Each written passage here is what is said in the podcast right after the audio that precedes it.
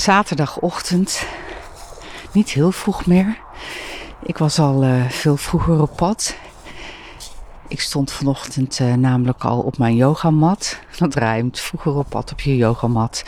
Um, en dat was heerlijk. En daar gebeurde ook iets waardoor ik nu denk, dat ga ik even delen. Er gebeurde namelijk dat ik... Uh, dat er werd gezegd dat het zo glad is. En dat als het dan glad is, dat je beter niet naar buiten kan gaan. En hoe gevaarlijk dat wel niet kan zijn. En er gebeurde iets in mij waardoor ik dacht: niet naar buiten gaan. Ga wel naar buiten. Ja, als het glas is, glad is, moet je wel oppassen dat je niet valt. Tenminste, als je er bang voor bent.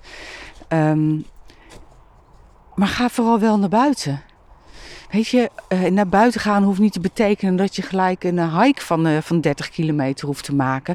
Of dat je in je auto moet stappen en de snelweg op moet gaan. Of juist op die gladde binnenweggetjes moet gaan cruisen. Nee, naar buiten gaan is misschien ook wel gewoon je voordeur open doen. Um, desnoods daar even een stapel kranten neerleggen, zodat je niet op je snuit gaat als het daar hartstikke glad is.